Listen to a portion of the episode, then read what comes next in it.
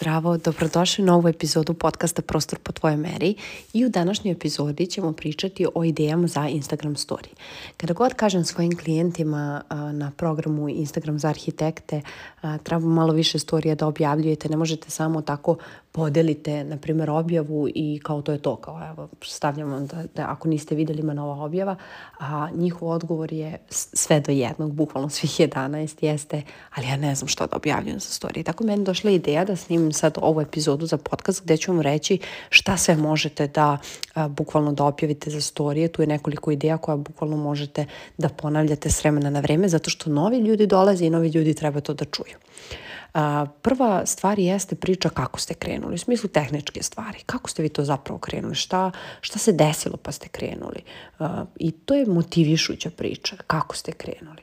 Sljedeća stvar jeste zašto ste krenuli. Isto motivacija u smislu koje to osjećanje ste imali kada ste odlučili da krenete, zbog čega ste vi to krenuli, šta vas je nateralo, šta, šta, šta se u smislu desilo u vama onog trenutka kada ste krenuli. Sljedeća stvar jeste da podelite neku skorašnju pobedu. Kome ste vi to pomogli? Šta ste uradili?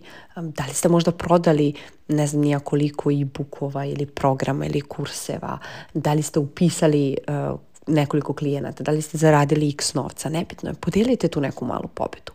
Sljedeća stvar jeste da podelite utisak zadovoljnog klijenta kad god imate priliku, obavezno delite um, poruke podrške, eh, zado, poruke zadovoljnih klijenata. Sve što ljudi misle i govore vam u DM, nemojte da čuvati tako ljubomorno za sebe, nego bukvalno delite.